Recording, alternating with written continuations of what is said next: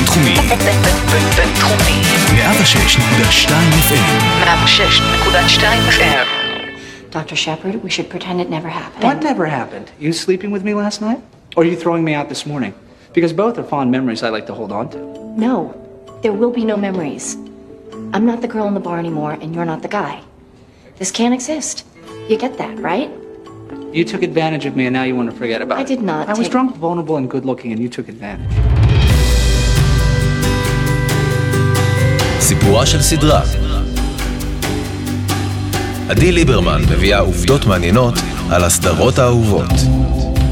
שלום לכולם וברוכים הבאים לסיפורה של סדרה, אני עדי ליברמן, כאן ברדיו הבינתחומי.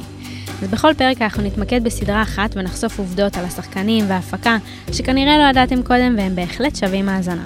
אז הפרק, כמו שהבנתם, נדבר על האנטומיה של גריי, סדרת הדרמה הארוכה ביותר בתולדות הטלוויזיה, המרוויחה כמעט 3 מיליארד דולר עבור דיסני. והכי חשוב לומר לפני שאנחנו ממשיכים, אם לא צפיתם בסדרה, הפודקאסט מכיל ספוילרים. שלא תגידו שלא אמרתי קודם. אז אה, יאללה, בואו נתחיל.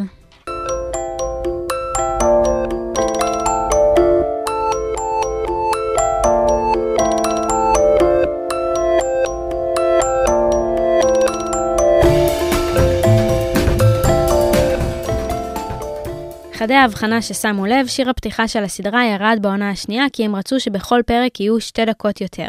האנטומיה של גריי ליוותה אותנו לא מעט שנים. סיפור האהבה בין מרדיט לדרק התחיל אי שם בשנת 2005 עד היום.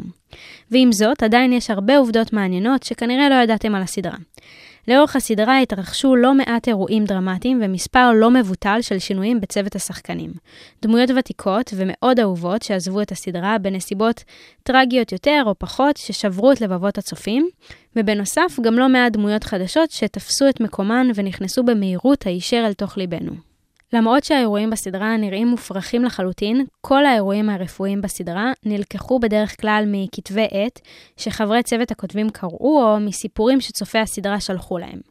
לאחר בחירת המקרה, על צוות הכותבים והשחקנים היה לקרוא כמויות של חומרים על הנושא, המחלה או המצב הרפואי, כדי להכיר לעומק את המונחים ולהבטיח שהם כותבים עלילה שתהיה כמה שיותר מדויקת למקרה. ולמקרה שתהיתם, כל הניתוחים בתוכנית נעשו על איברים של פרה, וניתוחי המוח לעומת זאת נעשו על מוחות של כבשים, והדם היה ערבוב של ג'לי אדום ושומן תרנגולות. ובניגוד לכל התחליפים, מכונת ה-MRI הייתה אמיתית לגמרי. שונדה ריימס היא המוח שעומד מאחורי הסדרה.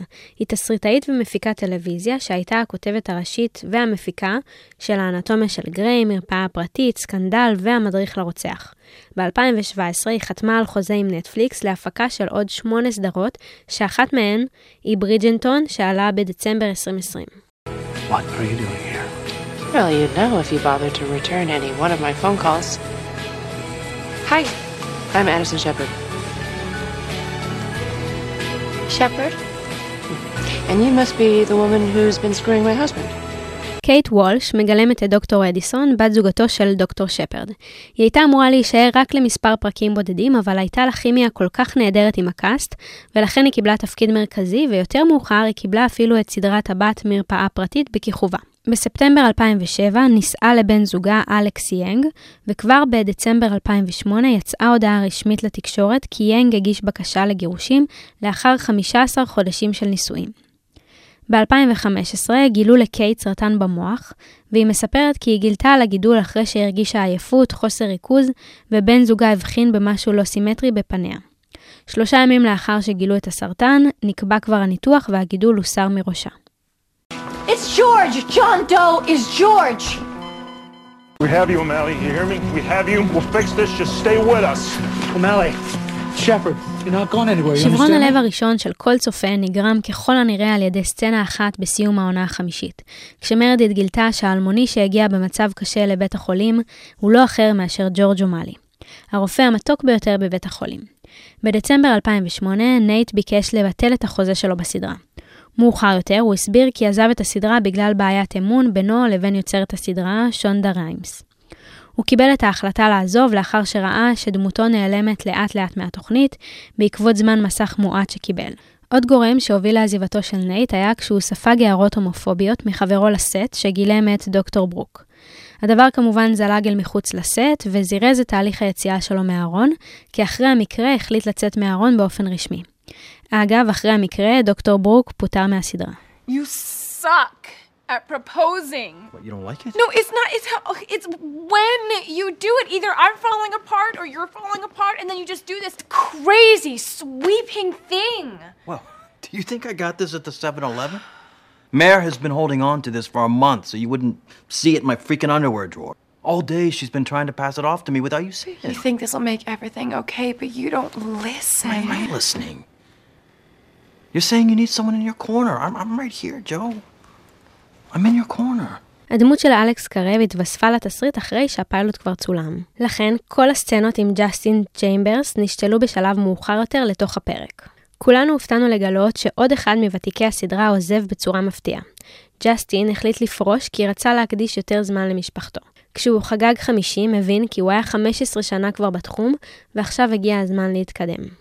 I'm the father. Yes, you are. Yes, you're the father when there's a baby, but right now, you have no choice in this. It's my body, my baby. April. You are not my husband. You have no rights here. ג'סי וויליאמס, שמגלם את דמותו של דוקטור אייברי, היה מורה במשך שש שנים בפילדלפיה לפני שהפך לשחקן בסדרה. ב-2012 נישא לבת זוגתו ארני דרייקלי, ולהם שני ילדים. הם הודיעו על הגירושים ב-2017, ומדובר היה בגירושים די מכוערים, שהסיבה מאחוריהן נותרה בגדר תעלומה עד היום. הדברים הפכו למכוערים במיוחד כשדרייקלי תבע על משמורת מלאה על הילדים, בטענה שלוח הזמנים של ג'סי אינו צפוי ושהרגלי הדייטים החדשים שלו מפוקפקים. אחרי מאבק, בית המשפט קבע משמורת משותפת, כשג'סי נדרש לשלם מזונות של 50 אלף דולר בחודש. I want to be with you forever.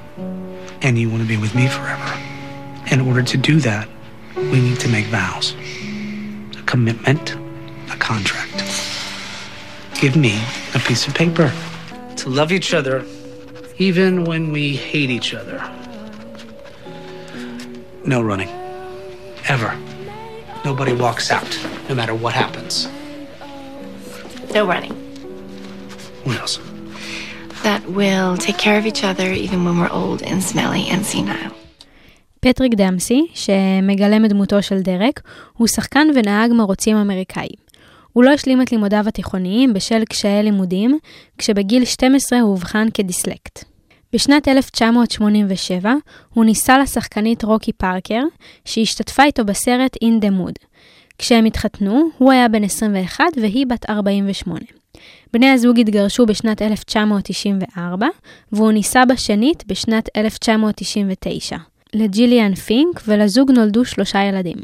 כשפטריק הגיע לאודישן, הוא היה מבוהל מהמבט הקריר והקשוח של שונדה, שלמעשה בסך הכל ניסתה לחשוב באותו הרגע מה היא יכולה לכתוב עבור השחקן הזה. אותו היא כינתה חלומי, ומכאן הכינוי מקדרימי. No, they can't fix him. Then you should go in there and fix him. Zola. You fix everyone. Zola, I can't fix him. Why? Because he's dead.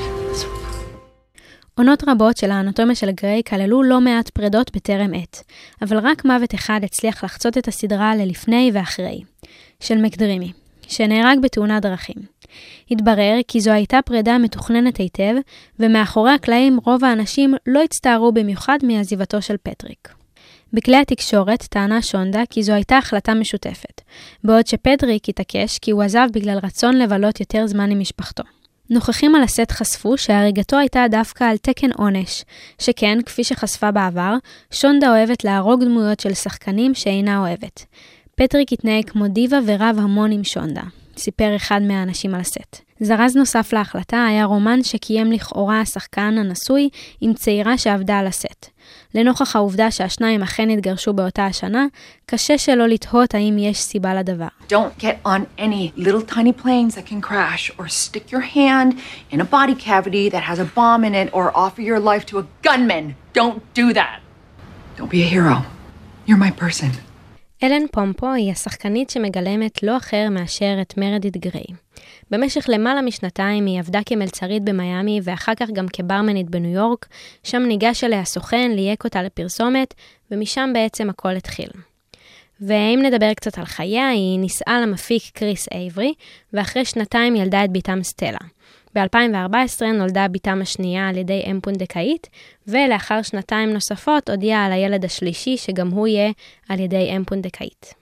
ההיריון של בתם סטלה היו תוך כדי צילומי העונה השישית, אבל במקום שגם מרדי תהיה בהיריון בסדרה, הכותבים החליטו שמרדי תתרום כבד לאבא שלה, כדי שהיא תהיה מרותקת למיטה ולא יבחינו שהיא בהיריון. מתברר שגם אם את הכוכבת הראשית של הסדרה, עלייך להילחם כדי לקבל יותר מהגבר שלצידך. כך חשפה אלן באחד מהראיונות שהתראיינה בהם, והיא חשפה את שכרה, ובכך הפכה רשמית לשחקנית דרמה המרוויחה ביותר. לדבריה, היא מקבלת לפרק 575 אלף דולר, ושכרה השנתי מסתכם ב-20 מיליון דולר. Your choice? It's simple. Her or me. And I'm sure she's really great. But Derek, I love you. In a really, really big. So pick me. Choose me. Love me. אז הנה עוד כמה עובדות שכנראה לא ידעתם על הסדרה. האנטומיה של גריי הפכה לדרמת בית החולים הארוכה ביותר בטלוויזיה, כשחצתה את פרק 15 בעונה 15, שהוא פרק 332 בסדרה. כך היא עקפה את הסדרה ER בכיכובו של ג'ורג' קלוני, ששודרה עם 331 פרקים. כל שמות הפרקים של הסדרה הם שמות של שירים אמיתיים. חדי ההבחנה בטח שמו לב לאחות הקבועה בבית החולים שמשתתפת בכל הניתוחים. אז מסתבר שהיא הייתה אחות גם במציאות. במשך 16 עונות, האנטומיה של גריי הייתה ידועה בין היתר גם בזכות פרקי האסונות שכבשו אותה אחת לכמה זמן, מההתרסקות מטוס ועד הירי ההמוני. אז כשנגיף הקורונה התפרץ, לכולם היה ברור שהוא ימצא את דרכו אל תוך עלילת הדרמה הרפואית. בעוד שצילומי העונה הבאה נדחו בגלל הקורונה, התסריטאים עובדים על סיפורים הנוגעים למגפה. הפקת הסדרה מצאה דרך ייחודית לתרום למאבק הקורונה, ותרמה אספקה רפואית ששימשה לצילומי התוכנית לשירותי החירום, שמצאו עצמם לא מצוידים לנוכח התפרצות המגפה. לאור הצלחתה של הסדרה, החלה רשת ABC להפיק סדרת בת בשם מרפאה פרטית, העוקבת אחרי חייה של דוקטור אדיסון לאחר שהיא עוזבת את בית החולים, כדי להצטרף למרפאה פרטית בלוס אנג'לס. ומי שלא הסתפק בסדרה מרפאה פרטית, יש סדרת בת נוספת לאנטומיה של גריי, תחנה 19, שעלתה לשידור במרץ 2018. העילת הסדרה מתרחשת בסיאטל והיא מתמקדת בחייהם של לוחמי ולוחמות האש בתחנה 19 של כיבוי האש. אחת הדמויות הראשיות בסדרה היא בן וורן, בן זוגה של ביילי, שהחליט לעזוב את גריי סלון ולהפוך להיות כבאי. I can't go. Yes, you can. We have to finish. You're gonna miss your. We have to dance it out. That's how we finish. What are you doing? What, you gonna call someone to make me leave or what? Finding a song. אז אם יש לכם סדרה קלאסית לפודקאסט הזה ואתם חייבים שיהיה עליה פרק, כתבו לנו למייל שבביו את שם הסדרה ולמה אתם חושבים שהיא שווה שנקדיש לפרק. אז אני עדי ליברמן כאן ברדיו הבינתחומי ואנחנו נתראה בפרק הבא. יאללה ביי.